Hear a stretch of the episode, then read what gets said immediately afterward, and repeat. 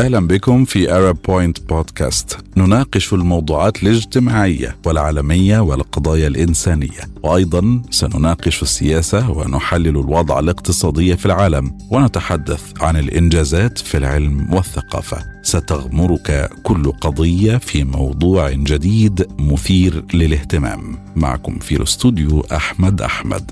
وفي هذه الحلقة هل تتجه تقنيات الذكاء الاصطناعي إلى أن تصبح واعية؟ والعالمه الروسية رائدة الرياضيات والاكاديميا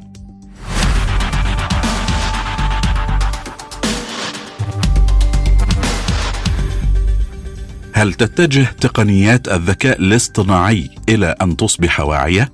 جدال كثير يثيره موضوع لم يعد مجرد خيال علمي. وجهات نظر مختلفة حول قضايا الأخلاقيات والمشكلات الإنسانية.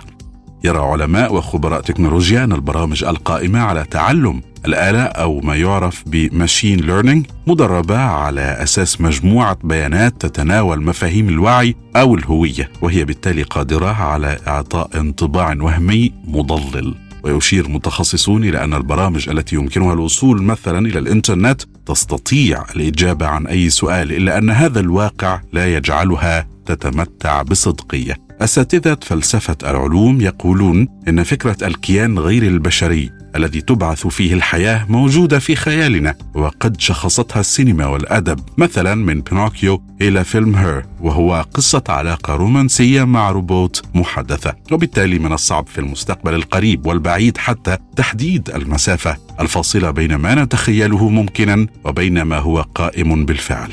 وقد درجت العادة على تقييم الذكاء الاصطناعي وفقا لاختبار تورينج. فإذا أقام من يجري الاختبار محادثة مع جهاز كمبيوتر دون أن يدرك أنه لا يتحدث إلى إنسان تكون الآلة قد نجحت. مع أن تحقيق ذلك سهل جدا على الذكاء الاصطناعي في عامنا 2022 بحسب علماء كثيرين. الخبراء في لغويات الكمبيوتر يقولون عندما نجد أمامنا سلسلة من الكلمات في لغة نتحدثها نعتقد أننا ندرك الروح التي تولد هذه الجمل وبالتالي حتى أن العلماء قادرون على إعطاء شخصية لبرنامج ذكاء اصطناعي. بل ممكن مثلا جعل الذكاء الاصطناعي أشبه بشخص عصبي عبر تدريبه على المحادثات التي قد يجريها شخص مكتئب.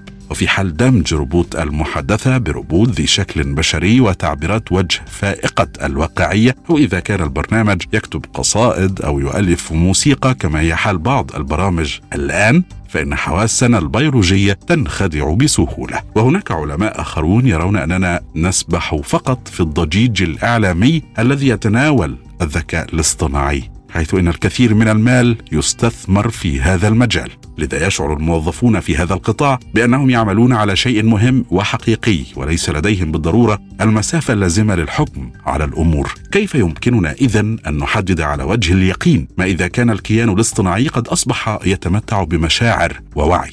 يرى بعض العلماء أننا إذا نجحنا في استبدال الأنسجة العصبية بشرائح إلكترونية فسيكون ذلك علامة على أن الآلات يمكن أن تكون واعية. وحين الحديث عن غرسات الدماغ للأغراض الطبية مثلا يثور حديث آخر عن ضمان مستقبل البشرية كحضارة بالنسبة إلى الذكاء الاصطناعي. كما تبرز رؤية تتخوف من إمكان أن تؤول السيطرة إلى آلات تتمتع بقدرات فائقة. مع ذلك يقول علماء إن العكس هو الصحيح فإذا ظهر ذات يوم كيان مستقل قادر على إتقان لغه وعلى التحرك من تلقاء نفسه ضمن بيئة معينة ولديه تفضيلات ونقاط ضعف سيكون من المهم عدم اعتباره عبدا والعمل على حمايته. ومع سير الأبحاث مؤخرا في هذا الاتجاه الذي يركز على تخليق الوعي لدى ما يوصف بالجمادات ومع عدم القدرة على تأطير هذه الإمكانية بشكل محدد مع خطوراتها المحتملة اشتعلت نقاشات أخرى مجددا وباتت تتخذ أكثر فأكثر طابعا سياسيا بل أصبح ينظر إليها بدرجة أقل على أنها خيال في خيال.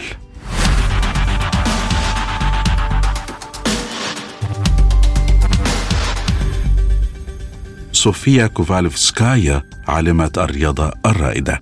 ولدت صوفيا في الخامس عشر من كانون الثاني يناير من عام 1850 وتوفيت في العاشر من فبراير شباط عام 1891 كانت أول عالمة رياضيات روسية رائدة مسؤولة عن إسهامات مبدعة ومهمة في التحليل والمعادلات التفاضلية والميكانيكا. كما كانت أول امرأة عينت بأستاذية كاملة في شمال أوروبا بعد انتقالها إلى السويد وأسمت نفسها سونيا. ولدت صوفيا كوفالوفسكايا في موسكو وهي الثانية بين ثلاثة أطفال. والدها كان ملازما برتبة جنرال في سلاح المدفعية خدم في الجيش الروسي. والدتها عالمة من أصل ألماني وجدتها كانت رومانية. كان للأسرة الفضل في تغذية اهتمام صوفيا بالرياضيات إذ عينوا لها مدرسا خصوصيا وهو ستارنو ليوفسكي وقد عرف عنه دفاعه عن تعليم أفضل للنساء.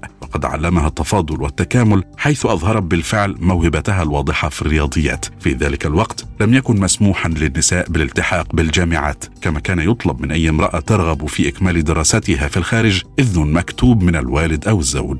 عام 1869 التحقت صوفيا بجامعة هايدلبرغ في ألمانيا وسمح لها بالحضور مستمعة في المحاضرات طالما منحها الأساتذة المعنيون موافقتهم. أمضت صوفيا عامين دراسيين في جامعة هايدلبرغ واستمعت لمحاضرات كبار المدرسين مثل هيرمان فون هيلمولتز وغوستاف روبرت وأيضا انتقلت بعدها إلى برلين حيث اضطرت لأخذ دروس خصوصية على يد كارل ويرستروس. إذ لم تسمح لها الجامعة بحضور المحاضرات مستمعة. في عام 1874 قدمت ثلاث أوراق علمية في جامعة غوتنغن عن معادلة تفاضلية جزئية وديناميكية حلقات زحل وعن التكامل بيضاوي الشكل كرسالة لنيل درجة الدكتوراه. وحققت لها هذه الدراسات شهادة الدكتوراه في الرياضيات بتفوق متجاوزة بذلك المحاضرات والامتحانات العادية المطلوبة. وبذلك أصبحت أول امرأة في أوروبا تتحصل على هذه الشهادة. وتتضمن دراستها عن المعادلة التفاضلية الجزئية ما يعرف الآن بنظرية كوشي كوفالفسكي التي توضح شروط وجود حلول لفئة معينة من تلك المعادلات.